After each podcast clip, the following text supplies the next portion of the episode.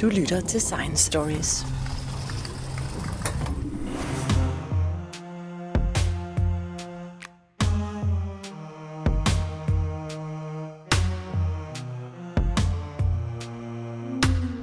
Mutanterne kommer. Det lyder ligesom en Hollywood-gyserfilm, som Hitchcock har lavet. Men det er ikke en gyser. Det handler om SARS-CoV-2. Og vi sidder her i København på Statens Serum Institut, hvor jeg har foran mig Anders Fomsgaard. Og Anders Fomsgaard, du må lige forklare, øh, hvor mange mutanter er der til den her coronavirus? Ja, uha, der er jo rigtig mange. Vi begyndte jo at genbestemme eller sekventere virus der fra marts-april måned, og fra marts-april måned og så til nu her, øh, 10 måneder efter, der har vi fundet øh, øh, mere end 9.000 varianter, eller 9.000 mutanter. Og vi har jo kun sekventeret måske omkring 10 procent af de positive, så det tal er jo nok 10 gange højere, så må ikke vi har noget med en, øh, en over 100.000 varianter, vi har øh, observeret i Danmark indtil nu. Men der er heller ikke noget mærkeligt i, at man har forskellige varianter, fordi virus øh, kommer ud i, i mange forskellige versioner. Den muterer hele tiden. Den muterer øh, hele tiden, det gør den. Sådan en gang om ugen eller hver tiende dag, så sker der mutationer. Og det kan man jo, øh, det er jo ikke noget, som behøver at påvirke noget som helst. Det er jo kun fordi, vi bestemmer hele sekvensen, altså alle ved 30.000 basepar i sådan en, en virus. Og der er jo områder af virus, der kan muterer og varierer, uden det har nogen som helst betydning. Så det er jo ikke det samme som, at en, en, altså en variant er en variant af, af betydning eller af bekymring. Der, der er tallet jo betydeligt mindre. Vi opererer med noget med en 5-6 øh, mutanter på verdensplan, der har en vis øh, biologisk betydning, som gør, at man synes, varianten er af betydning. Men det er jo rigtigt nok, øh, øh mutationer sker der hele tiden, specielt med RNA-virus, som er mange af de nye virus, der kommer fra dyr, Zika-virus, Ebola-virus, fugleinfluenza og, og, og så videre, og også covid-19 øh, sygdommen og, og SARS-coronavirus 2, som den jo hedder virus, de muterer. De fleste RNA-virus, de øh, laver fejl. De har et enzym, der skal ligesom replicere den øh, RNA-streng, og den laver så nogle fejl nogle gange. Og øh, i modsætning til DNA-virus, de har jo noget, der hedder proofreading, hvor de lige bakker og siger, åh, var det en fejl, jeg lavede, så retter vi den. Og de fleste af de nye RNA-virus har ikke proofreading, og derfor muterer de frygtelig meget. HIV kender vi, hepatitis C muterer endnu mere. Men denne her sådan, har faktisk en proofreading-mekanisme, og derfor er det ikke sådan øh, i samme høje omfang, den egentlig muterer. Og øh, den proofreading er ovenikøbet kun for de interne regulatoriske proteiner, nu bliver det teknisk, inde i virus, der bliver tjekket efter, men egentlig ikke overfladen, som er den, øh, vi er mest optaget af, om den muterer. Den kan altså få lov til at mutere frit, desværre, og det er der, den binder sig til vores receptorer, hvad for nogle dyr kan den inficere, det er der, antistoffer, der beskytter, skal binde, så, så, så der kan den altså godt få lov til at mutere, men ikke så meget i de interne proteiner. Så den, den er, er lidt øh, interessant på det område, men den, den varierer selvfølgelig. Og når der kommer flere mutationer, øh, og man sådan kan se, at det, det strækker sig ud, eller de skiller sig ud fra de andre, så kalder vi det en variant. Men der er ikke nogen vedtaget nomenklatur på det her område, så vi kan jo kalde det, hvad vi vil varianter, mutanter, lad os kalde dem mutanter for eksempel. Men vi hører så om de her forskellige mutanter eller varianter, og øh, en af dem, som man hører rigtig meget om i øjeblikket, det er den engelske version. Ja, altså vi har jo listet en 5-6 øh, øh, mutanter, som på verdensplanen er øh, af en vis biologisk betydning. Fordi de biologiske betydninger, vi kigger efter, om en virus nu har muteret og så ændrer dens biologiske egenskaber, det er, altså, at, at enten er den mere smitsom, øh, eller også er den måske mere sygdomsfremkaldende, eller også er den øh, måske mere resistent over for vores antistoffer, som vi jo får efter vaccinationer eller efter en infektion. Og det er også lidt af betydning om, om det er mutationer, der kan opdages med vores diagnostiske PCR-test, eller nogle behandlingsformer. Man er begyndt at behandle i nogle lande med det, der hedder monoklonale antistoffer. Og det er klart, hvis der er en mutation der, hvor de monoklonale antistoffer binder, så er det også of concern, altså en, en bekymring. Så det er de egenskaber, man kigger efter. Hvis nogen af dem er påvirket, så er man bekymret. Og nu nævner du den her engelske variant, som øh, man blev opmærksom på øh, omkring den 14. september 2020 i England, og som har altså en række mutationer i det her spike-protein, som sidder på overfladen. Det er de der pigge, der stikker ud af betydning. De har hele ni øh, ændringer der, og det, det er ret meget i forhold til, til de andre. Og det har altså givet den nogle biologiske egenskaber, der siger, at den, den er mere smitsom. Den spreder sig hurtigere, så en epidemikurve med den, den vil være øh, stejlere, og den vil komme højere op. Så, så det er en, en af dem, der er under observation, fordi den simpelthen overtager øh, at dominere øh, i en population, som i England, øh, efter nogle få måneder. Og den kommer så højere og højere op i hierarkiet. Og det, det har altså en betydning. Det er ikke fordi, den er mere sygdomsfremkaldende. Det er heller ikke fordi, at der er set, at den skulle være mindre følsom over for de her antistoffer. Men den spreder sig bare mere. Men Anders, øh, hvordan kan den det? Altså, hvad, hvad gør den egentlig anderledes end de andre virus, som gør, at den kan sprede sig mere? Er det fordi, der kommer flere kopier af den, eller er det fordi, den gør det hurtigere? Eller hvad, hvad er det, den kan, som, øh, som de andre ikke kan? Ja, der er sådan to mekanismer, vi øh, kigger efter for at forstå det. Det ene er, om den passer bedre med sine mange mutationer i spike, om den passer bedre til receptoren. Simpelthen, er mere højrefin, og, og, og øh, så færre partikler skal der til for at opnå den samme øh, mængde infektion af vores celler i svælget. Og det er der noget, der tyder på, at den faktisk binder øh, bedre til vores receptorer. Og på den måde, så vil færre partikler være lige så smitsomme som mange øh, partikler, viruspartikler, at, at den ikke er muteret. Og det andet, vi kan se, det er, når vi ser på alle de der svælprøver, vi får ind til, til Center Danmark osv., så, videre, så kan vi se, hvor meget virus der er i sådan nogle øh, svælpodninger. Og der er der altså simpelthen øh, omkring øh, 50-100 gange mere i, i dem, der har den engelske variant, fordi vi har jo den engelske variant i Danmark, og øh, det er jo det stiger jo ligesom vi skulle forvente. Så vi har jo altså nogle øh, prøver at gøre godt med, som vi kan undersøge her. Så det ser ud som om, man måske udskiller flere virus, så man er mere smitsom, og det ser ud som om, at der skal færre partikler til at blive smittet. Og dermed så må man jo med den viden prøve at se, hvordan kan man så bekæmpe sådan en virus. I, I England var det jo en stigning i forekomsten af denne her øh, virus, og dermed i hele forekomsten af covid i nogle områder i England, Sydøst England og, og London, øh, før man blev opmærksom på det. Og, og, og, og det var simpelthen øh, antallet af, af smittede, der steg til trods for, at de havde de samme grove restriktioner, som vi også har herhjemme. Så til trods for de restriktioner, så øh, kunne den altså få lov til at sprede sig og simpelthen være mere smitsom. Og det er jo selvfølgelig en situation, som alle andre lande, som jo også har fået den nu, er meget opmærksom på. Vi ser det i Irland for tiden, og øh, øh, vi er opmærksom på det i Danmark også.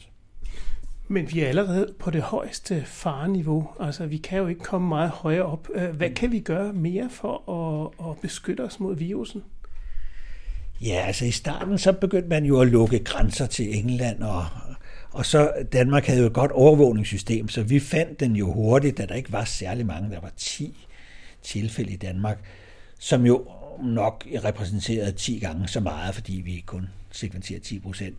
Så øh, det, det, at de ikke fandtes i andre lande, det var jo fordi, man ikke undersøgte for det. Det er jo sådan set ikke det samme. Når man så begyndte at undersøge det for det, så fandt man den jo både i Sverige, Frankrig, Tyskland og så videre. Samtidig med, at den jo også stiger, så man kan få øje på den. Så det med at lukke grænser var ikke så effektfuldt. Det kunne selvfølgelig udskyde, øh, Øh, hvor mange introduktioner man får i et land. Vi har så i Danmark set to introduktioner indtil nu, men det stiger jo øh, uge for uge nu. Øh, dels fra, fra England, men det kan også komme fra Dubai, og det kan også komme fra andre steder, fordi folk de rejser jo rundt. Så, så, så det er kun en, en måde, man kan gøre det i en begrænset tid. Nej, så må man mere prøve at håndhæve de almindelige regler, som øh, virus har det svært med. Det er sådan noget som afstand, øh, som jo desværre er afhængig af, hvilken årstid det er, om du går udenfor, om du går indenfor, og hvor længe man sidder i en, i en vis afstand. Og øh, der kan man øge på antallet af meter måske, og man kan også sige, hvor mange fremmede kan man være sammen med. Altså prøve at begrænse, begrænse skadernes omfang. Hvor meget kan en smitte-event blive? Og hvis man øh, sætter det ned fra 10 personer til 5 personer, så kan du jo højst smitte 5 af gangen, kan man sige. Så, så der er selvfølgelig nogle muligheder for at begrænse hvor skadernes omfang i, hvor mange man så kan smitte. Det er jo nogle af de øh, restriktioner eller øh, anbefalinger, som vil have størst effekt. Men altså, vi ved også, at spredning af sådan nogle virus kan ske i sådan nogle klumper. Der skal måske være en superspreder, er der nogen, der taler om, altså folk, der udskiller særlig meget virus. Eller også er det bare fordi, at de udskilte særlig mange lige tilfældigvis med, at de var i en event, en fest, øh, en, en fodboldkamp eller et eller andet, som tillader, at der ligesom så pludselig bliver smittet mange på én gang, altså en superspreder event. Og hvis man begrænser nogle af de ting, så kan man da udskyde problemerne, øh, og man kan også øh, sænke, hvor mange der så i virkeligheden bliver smittet. Så det er noget med at få de her kontakttal, altså hvor mange mm, de hver smittet smitter videre. Hvis man kan få det ned, så det er en, en måde, man kan gøre på, og så er det jo et kapløb med vaccinerne. Men Anders Fomsgaard, vi er jo allerede inde i et uh, kapløb, uh, fordi den her engelske uh, variant, som er meget mere smitsom, den er her jo allerede, som du lige sagde. Og, uh, og den, uh, den vil måske snart uh, overtage, så det er den mest almindelige. Ja, den vil jo overhale eller udkonkurrere de andre virus, og så snart den udgør mere end 50 procent, så kan man øh, øh, så udgør den faktisk jo de fleste og har taget et overtag i forhold til de andre virus. Altså de her virus, de slås jo også indbyrdes, kan man øh, forestille sig, hvordan de indstiller sig i forskellige niveauer. Øh, og, og, og det ved vi, at den vil gøre. Det, vi ved det fra England, hvordan det er gået der, trods øh, alle mulige restriktioner. Det har gjort det i Irland, og, og det, det er sådan, det vil gøre. Så man kan jo kun prøve at begrænse, øh, øh, hvor, hvordan smittetallet er, når vi møder den, sådan så vi kan tåle, at den, den smitter mere. Det her kontakttal, som vi skal være under 1, fordi så opløser epidemien sig, eller over 1, så udvikler epidemien sig, der vil vi jo gerne have den under 1, og i øjeblikket er den i Danmark 0,9. Hvis det nu var den engelske variant, vi havde med fuldstændig det samme antal smittede, så ville øh, kontakttallet alene af den grund være 1,6. Og det er altså en stor belastning for, for sygehusvæsenet og øh, hvor mange der bliver smittet. Og det er ovenikøbet over en øh, meget kort tid, altså en få uger, øh, når vi kommer ind i den her eksponentielle øh, vækst. Så øh, der, det ser vi som en bekymring i virus, der spreder sig mere. Det er ikke fordi, som jeg sagde, den var mere mm, sygdomsfremkaldende, men bare det, at den er så stejl, den epidemikurve, vi ved, der kommer, øh, og så høj, det gør, at der vil være mange flere smittede jo, og en vis procentdel af dem, måske 5 procent, de bliver syge og kommer på hospital, og en vis procent af dem øh, vil dø. Og øh, der kan vi jo se, at, at, at hvis det så øh, er øh, flere og flere andele af mennesker, der bliver syge af den her, vi får simpelthen flere sygdomstilfælde, jamen så vil andelen af dem, der bliver indlagt, og dem, der dør, jo også stige. Så den kan jo ende op med at være mere dødelig end en øh, mutant, vi vil kalde for dødelig, som vi heldigvis ikke har oplevet. Men i antallet af døde vil den jo måske bonge mest ud, så, så det er man en af de biologiske egenskaber, man er mest nervøs for. Anders Fomsgaard, med de her virus, som muterer og som kommer i, i mere smitsomme versioner, vil det så betyde, at for eksempel den her engelske øh, virus, den måske er i hele verden allerede, og det er den, der tager over, og vi sidder her måske øh, i stillheden før stormen, og før en, øh, alle i, i, i hele verden måske bliver angrebet af den? Ja, den har bestemt potentialet. Vi har før set en variant, da den kom fra Kina til Europa, der havde D614G-mutationen, som var mere smitsom. Og det er den, vi har i Danmark og i hele Europa siden epidemien øh, kom til Europa. Så det er rigtigt, de her mutationer har jo altså evnen til at overtage fuldstændig, og så kan der så komme mutationer oven på dem. Øh, for eksempel de her mutationer, vi snakker om, alle sammen, baggrunden af dem, at de har alle sammen den her 614 mutation. Så de, sådan, de bygger oven på hinanden. Den engelske variant, den er man jo, selvom man fandt den i England øh, tilbage til september 2020, er det først hen over julen, at man blev opmærksom på, at der var en stor smitteophobning i England, som man så langsomt fik sekvenseret og så, at hov, det er jo på grund af en bestemt variant. Og det var så derhen over julen, at, øh, at vi skulle undersøge for den, og, og det var der, vi så tidligt fandt den i Danmark. Og der var den jo ikke i de andre lande, men det var jo nok, fordi de ikke undersøgte for den. Øh, og dermed var, blev vi jo straffet, og grænserne lukket til Danmark. Ikke? Sverige, Sverige lukkede grænserne blandt andet for ikke at få den ind i deres land, for de havde den ikke. Det vil sige, de kiggede ikke efter den. Hm. Når de så begyndte at kigge efter den, så havde de den jo. Øh, mange af dem, der er i hvert fald 48 lande, altså øh, bare inden for den sidste måned, der nu har rapporteret, at de har den. Og det er jo fordi, de begyndte at overvåge øh, mere nøjagtigt. Og det er jo meget vigtigt, at vi i takt med øh, de andre nye moderne tiltag for øjne og kan sekventere, eller i hvert fald komme med nogle nye metoder og opdage de her varianter, for de har måske været i de andre lande rigtig længe. Det ved vi ikke. Vi har ikke haft den i Danmark rigtig længe, for vi startede med, med at den kun udgør øh, 1,8 procent, og lige i øjeblikket er den altså op på 3 procent af de positive, og vi ved, at den kommer op over 50. Så vi har fanget den på et tidligt tidspunkt. Det er ikke sådan, at vi har overset den. Øh, og det er fordi, vi jo sekventerer og overvåger. Så den kan være i andre lande, der bare ikke har opdaget den endnu, og dem, der er i stand til at sekventere og kigge efter dem, de kan så alle sammen se, ups, vi har den, og ups, den stiger i øh, andel af, af de positive. Så ja, den vil jo bestemt øh, udkonkurrere kan man så håbe, nogle af de andre virusvarianter, sådan så den bliver mere dominerende. Så der er jo sådan et intern øh, slagsmål virus imellem, og den her biologiske krigsførelse, så kan det jo være, at de kan udkonkurrere hinanden. Men den parameter, de udkonkurrerer her, det er så simpelthen smitsomhed af mennesker øh, når man ikke kan kalde dem fra deres øh, land, altså så, så er det jo svært øh, at kalde dem øh, numre, altså det er jo svært at, ja. at holde styr på det. Kunne man ikke finde på en anden nomenklatur, for eksempel øh, drengenavne eller et eller andet? Øh, I WHO, som havde stor møde om mutanter, der var det et af de emner. Hvordan finder vi på en ensartet måde at betegne det her virus? Øh, og øh, forskerne kunne måske hurtigt komme op med en måde at kalde dem B1.1.248, men det er jo, der skal jo også være nogle navne, som lægmand kan forholde sig til, at du er det den, vi er opmærksom på i det her land, eller den her kommune, eller det her plejehjem, eller øh, hospital og så videre. Så man skal ligesom finde på to navne.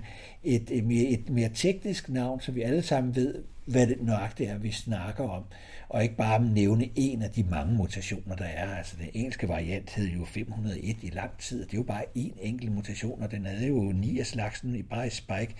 Så, så der er øh, initiativer i gang for at prøve at finde navne, som, hvor man har to navne, et teknisk navn og et mere nemmere at huske, som svarer til den, øh, den rumænske variant, og den engelske variant, den sydafrikanske, den brasilianske og den spanske variant osv.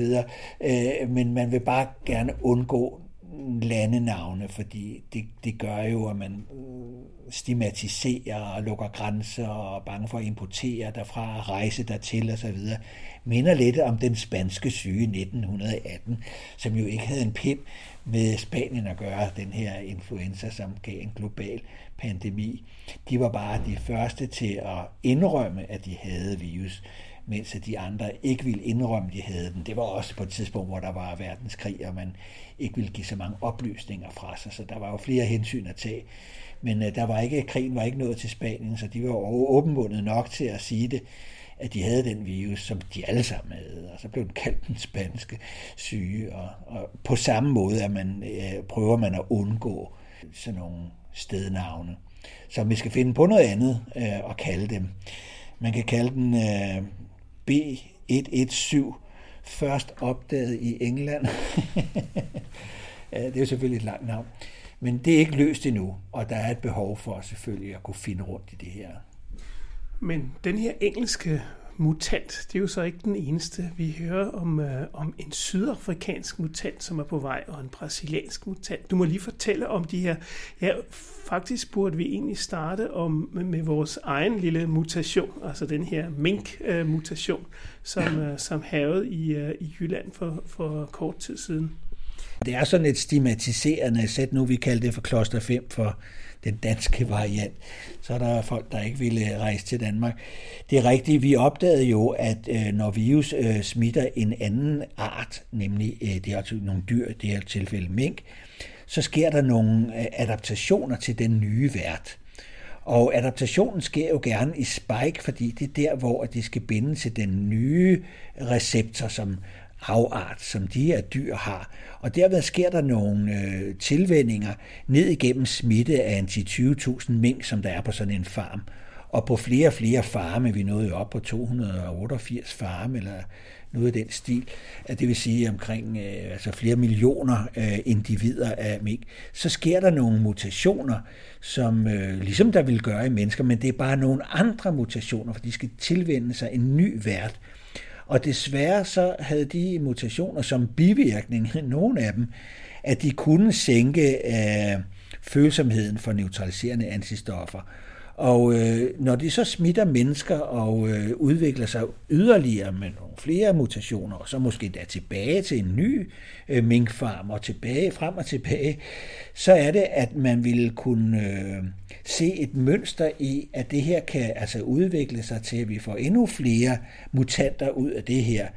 Øh, det var jo nogle undersøgelser, som tager jo øh, halvanden, to måneder at lave hver gang, du skal undersøge og, og spredningen af, af, af de her virus i blandt minkfarme var jo eksponentielt stigende, så øh, man havde jo ikke rigtig den tid. Øh, men man kunne bare se, at det var en mekanisme, man kan ændre egenskaber på.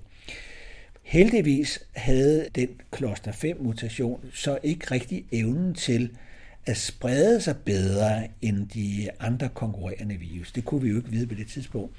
Og øh, kloster 5 øh, forsvandt så af sig selv.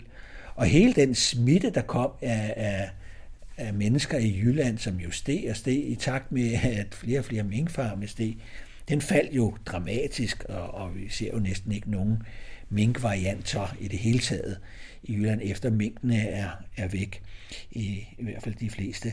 Så, øh, så det var en, en, en mutation, som, eller en variant, hvor at man kunne se, at den havde en let, let nedsat følsomhed for antistoffer.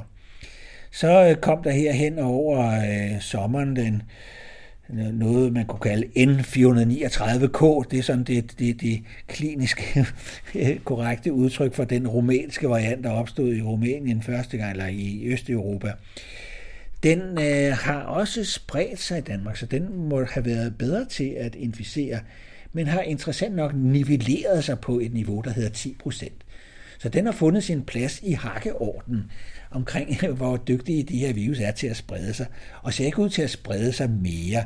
Og derfor er vi ikke særlig øh, bekymret for den. Den er heller ikke nedsat, øh, hverken øh, resistent for antistoffer eller skulle være mere sygdomsfremkaldende. Så øh, fred være med den, men vi holder jo øje, øje med den, fordi øh, vi kan ikke lide virus, der har evnen til at sprede sig. Og så øh, er det rigtigt, at vi fik den her engelske variant til Danmark.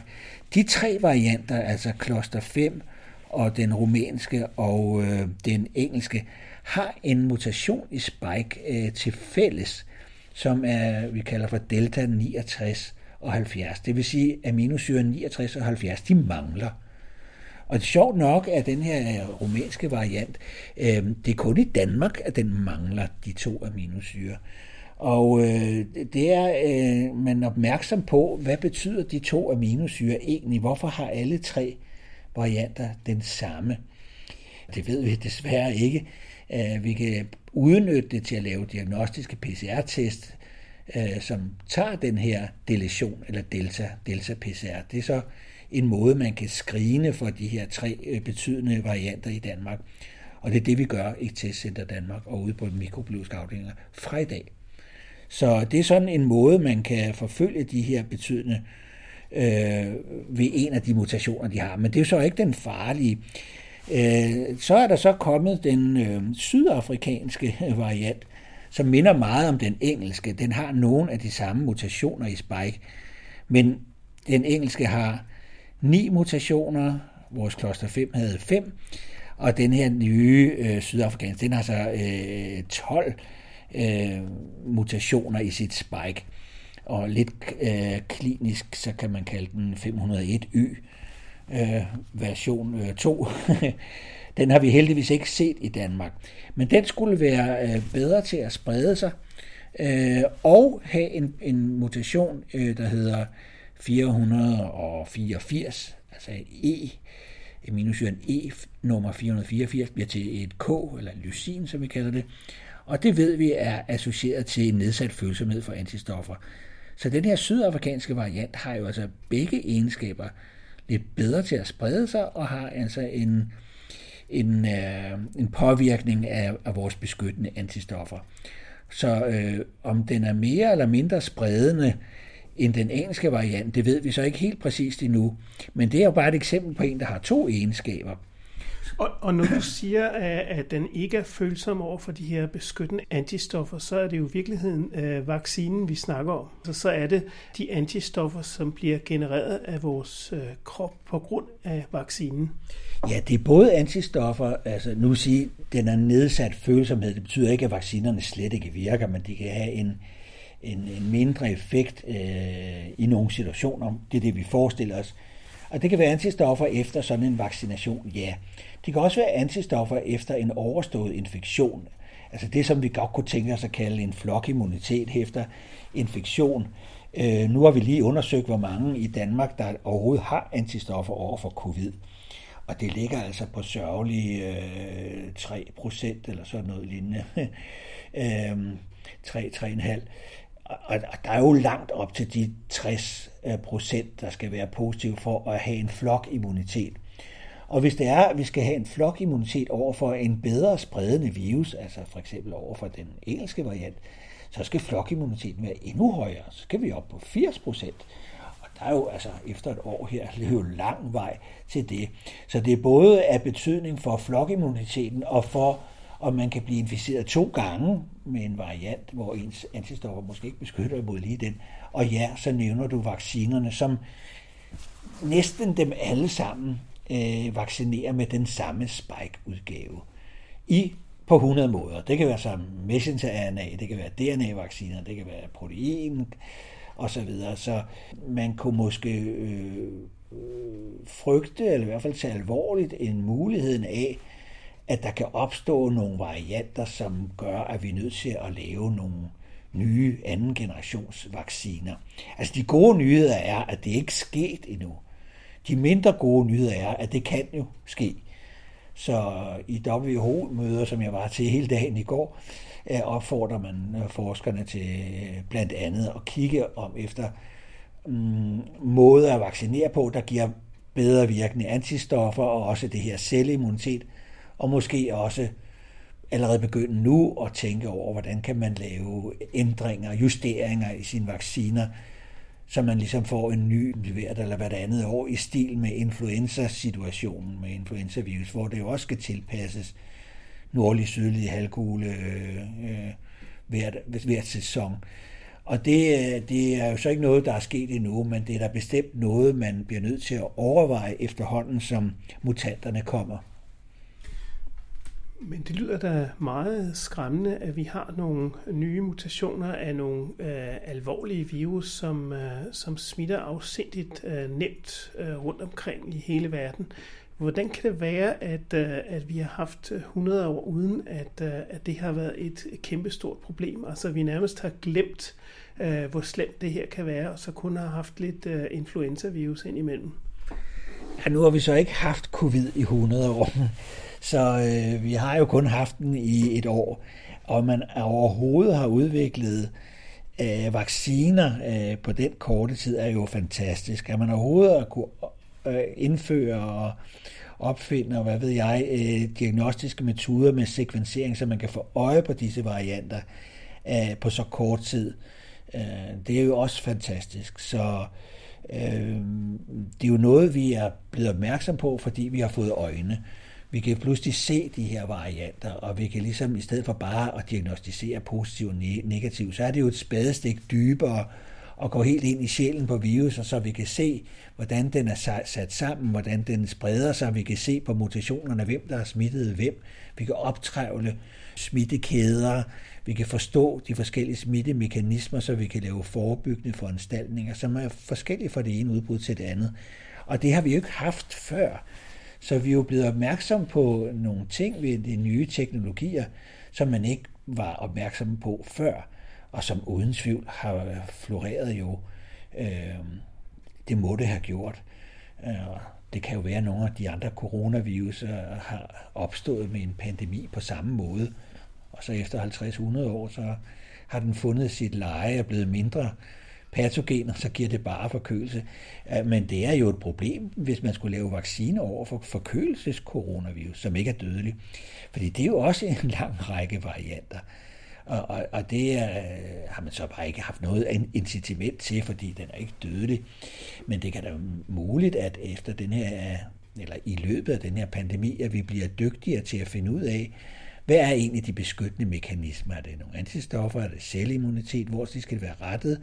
Så vi måske kan lave vacciner mod forkølelser.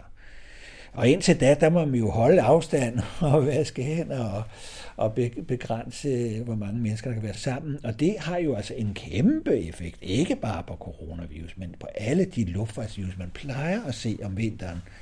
Øh, og og, og de, de er jo helt væk.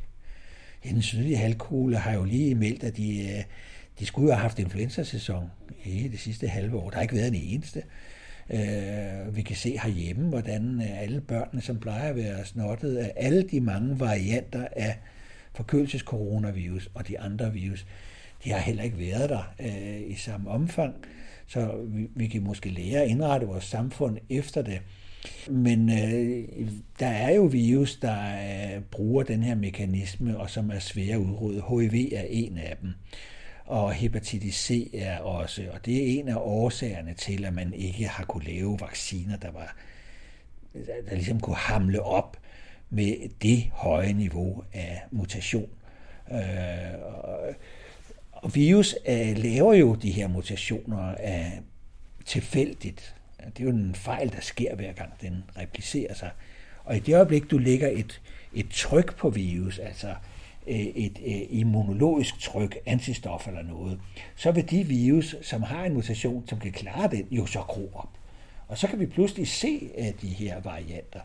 Så vi vil jo se varianter i, i takt med, at vi lægger en tryk på virus, og så kan man så se, at det kan jo være escape-mutationer, som vi kalder, eller varianter, efter en, en vaccination. Men vi kan jo først se rigtig potentialet af de her covid øh, coronavirus, når vi, øh, når, vi, når vi lægger tryk på dem, og, og, øh, som er en trussel for virus, så vil de darwinistisk øh, der er gro frem, som kan tåle det tryk, vi har lagt på den, om det så er en, en antistoffer, eller om det er medicin. Og nogle af de her varianter, kan vi se, de stammer jo fra immunsupprimerede personer, som jo ikke har været i stand til selv at nedkæmpe infektionen, men har haft den i lang tid, hvor vi jo så kan måske vende sig til at, at, at inficere cellerne bedre. Så, så der er jo altså øh, rig mulighed for, at virus skal selektere øh, efterhånden, som vi bekæmper dem. Så det er sådan en, en dans med virus der øh, frem og tilbage, øh, hvor man skal lave vacciner mod også varianter og, og så videre. Men hvad er, er prognosen? Altså selvom du ikke øh, øh, kan forudsige, hvad der rent faktisk vil ske, øh, hvad er sandsynligheden for, at vi slipper af med, med den her øh, virus i løbet af et, et års tid, eller to måske? ja, altså Jeg vil jo tro, at øh, på samme måde som de andre forkølelses-coronavirus, øh, Øh, så tror jeg ikke, det er en virus, vi kan slippe af med, desværre. Øh, det er der flere grunde til. Den er jo globalt, og den har jo evnen til at ændre sig og tilpasse sig årstider og, og sociale mønstre osv. Så, videre. så, så det, det har den jo en fantastisk evne til. Den har jo også evnen til at smitte dyr, så der kommer dyrereservoirer. Og nogle af de forsøg, man har lavet, blandt andet med øh, engelske varianter osv., det er i laboratoriet, at jo mere smitsomme de er, jo nemmere kan de i og for sig smitte dyr. Øh, også dyr, som måske ikke var helt følsomme for det. Øh, og, og der vil sige, der er jo så nogle mekanismer der, som gør, at det vil kunne sprede sig øh, til dyr, måske flere dyrearter, måske endnu nemmere, end det har gjort hidtil. Og har man den slags reservoir rundt omkring i verden, øh, så bliver det svært at komme af med. Nu er det jo ikke en kronisk virus, ligesom HIV, som vi jo aldrig vil slippe af med. Øh, øh, den, den er jo kun akut. Det vil sige, hvis hele verden stoppede op, der hvor de sad i, i en uge, ja, så var den død. Ikke? Og det vil sige, varianter kan man også komme af med igen. Kloster 5 forsvandt for eksempel, eller mængde forsvandt. Øh, man kan komme af med dem igen. Det er de gode nyheder. Men øh, hvis ikke der er nogen smittekæder, hvis du får afbrudt alle smittekæder, så er vi jo død. Øh, så, så der er selvfølgelig et potentiale for, at de kan øh, udryddes. Jeg tror, at det vil være sådan, at de forskellige geografiske områder eller lande eller områder vil have deres epidemier med øh, coronavirus, som vil være forskellige. Og jeg tror, man vil adaptere sig i verden til en ny livsstil, hvor man får mindre infektioner. Vi kan se, hvordan der er jo ikke nogen, der giver hånd længere. Det er jo helt utænkeligt. Og franskmændene kysser heller ikke på kinderne længere. Der, der er en masse ting, der vil være unaturlige for dem, der vokser op og gøre. Så, jeg, øh, så der er jo nogle mekanismer, vi kan gøre for at, øh, at komme af med virus i og for sig i nogle områder. Øh, men helt af med den, det kommer vi jo ikke, fordi så skal vi jo af med den globalt. Og, og det vil sige, så skal vi kunne påvirke, hvordan man lever og har levende madmarkeder i Kina og sådan noget. Det bliver sværere at påvirke kulturelle ting rundt omkring i verden, som er med til, at de her virus kan trives. Så, det, så længe den er et sted på planeten, så er den jo ikke væk. Og jeg tror ikke, at vi kommer af med den igen. Jeg tror, vi kan holde den nede, og vi kan leve med virus øh, ved at leve på en bestemt måde og få nogle bedre vacciner, og nogle, øh, øh, nogle flere vacciner, og måske nogle måder at kombinere vacciner på. Altså vi får en utrolig viden omkring de her type ting i disse år, fordi det er sprit nye vaccineprincipper, vi har. Så jeg tror med vaccination og med øh, behandling og en ændret egenskaber, så vil det være, at de områder, der kan magte det, og det kan måske være et, et økonomisk problem, øh, øh, de, de vil måske være mere fri end andre. Øh, sådan vil jeg tro, det vil gå, men det vil være ved, ved os i de næste 15 år, det er jeg sikker på. Du lytter til Science Stories. Men Anders, der er jo også en uh, brasiliansk uh, version af den her virus, som, som vi har hørt om. Ja, igen er vi ikke meget for at bruge landenavne for at stigmatisere. Vi kalder den B11248. Svært at huske, men øh, det er rigtigt nok. Her den 6. Øh, januar faktisk, det er jo ikke mere end en uge siden, så opdagede man i Japan en tilrejsende fra Brasilien, som var covid-positiv, og som bar denne her variant, som har hele 12 mutationer, altså ændringer i sin spike. Og det er jo så et af de højeste antal ændringer, så den spike må have nogle ændrede egenskaber. Vi ved ikke så meget om denne her endnu, andet end disse mange mutationer i, i lige det kriminelle spike-protein. Det vil gøre, at det er noget, vi bestemt skal undersøge meget nærmere. Øh, men det er jo så nyt, at, øh, at vi, ikke, vi har ikke set den i Danmark endnu. Vi sekventerer jo bare, så hvis den havde været, havde vi jo opdaget den.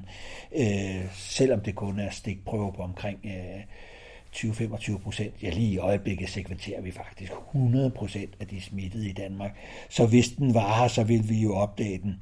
Øh, så vi ved jo ikke, om den har øh, de samme typer af egenskaber, som vi er nervøse for, altså den spreder sig nemmere, om den er mere eller mindre resistent for antistoffer.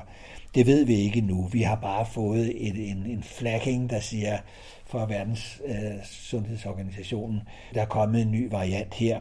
Den har allerede spredt, spredt sig fra Brasilien, hvor der lever rigtig mange mennesker jo til Japan. Hold lige øje med den. Så vi holder øje med dem, øh, indtil at nogen øh, rapporterer, om den har nogle biologiske egenskaber, der skulle være ændret. Altså om det er en variant of concern, eller om det er bare en variant.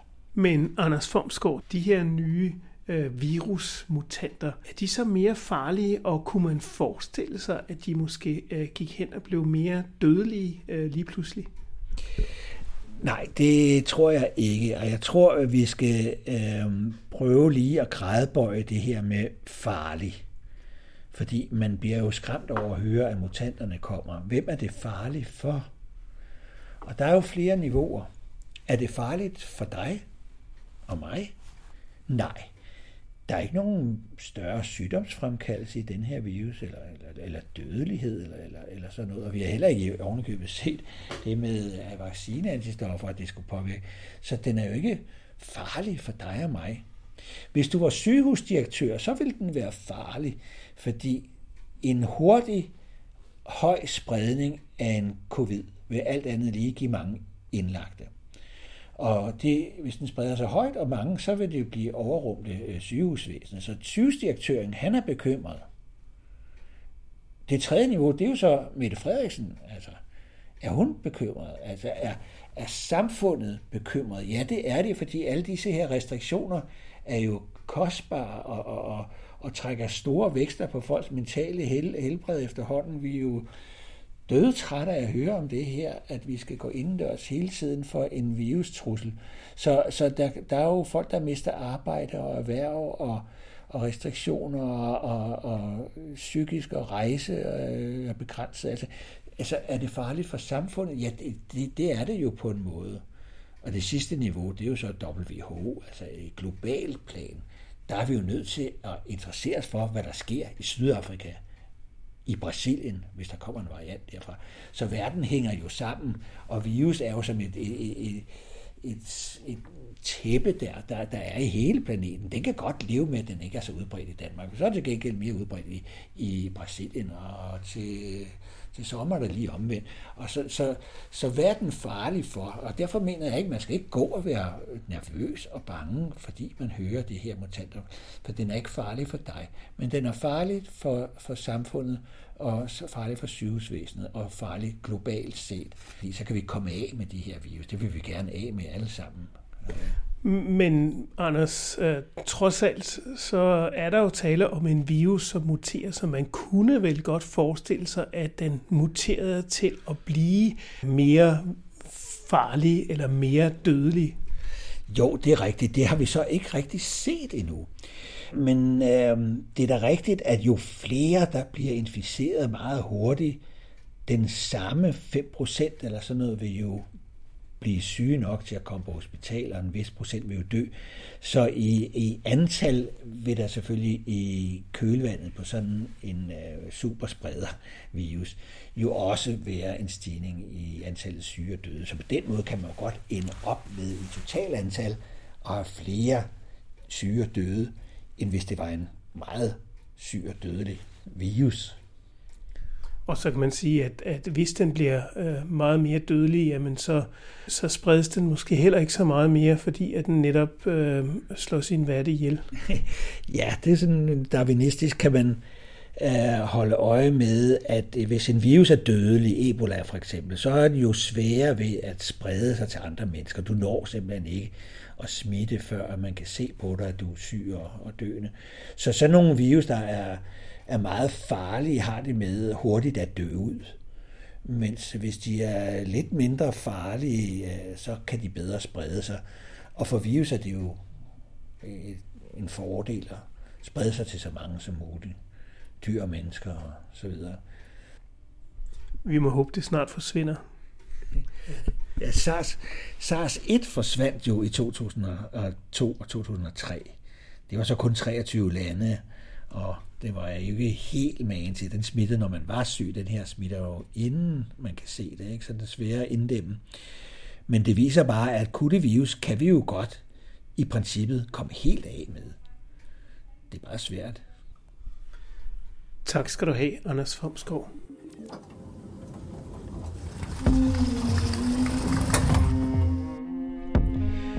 Hvis du vil høre mere til Science Stories, så del os, like os og giv os din kommentar på Facebook, Twitter, LinkedIn og Instagram. Jeg hedder Jens Deget, og dette var Science Stories.